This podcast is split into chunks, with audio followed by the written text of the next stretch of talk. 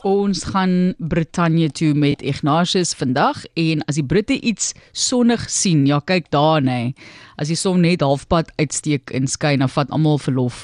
Nextpot sal nie altyd so nie, maar ja. Martelies, dis 'n lieflike 30 grade Celsius in die Kaap. My moue is kort en ek wys 'n bietjie been. Maar dis nou maar ek in ons sonnige land. Brittanje is egter berig vir hul sonskyn te kort. So as hulle iets sonnig sien, selfs sonneblomme, dan moet die son plekke sien wat nie gereeld blootstelling aan daglig kry nie. Soveel so dat 'n plaas nou al tekens opgesit het om mense te herinner dat naaktheid in die publiek nie aanvaarbaar is nie.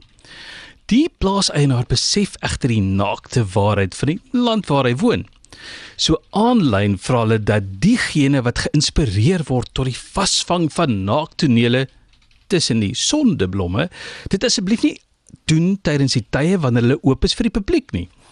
Daar is meer as 2 miljoen sonneblomme.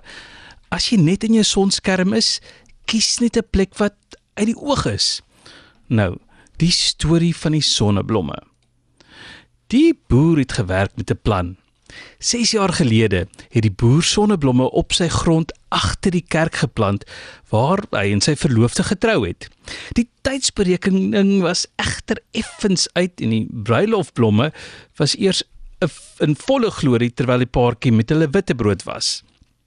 Die sonneblomme het soveel mense van heinde en verre gelok dat jy deesdae kan betaal om tussen die sonneblomme te kaal, uh, te dwaal. Sterkte met die sonneblomme. Moenie te veel pluk nie, net te sien jy wat daar agter aan gaan. ja nee, uh, uh, ek sê vir jou.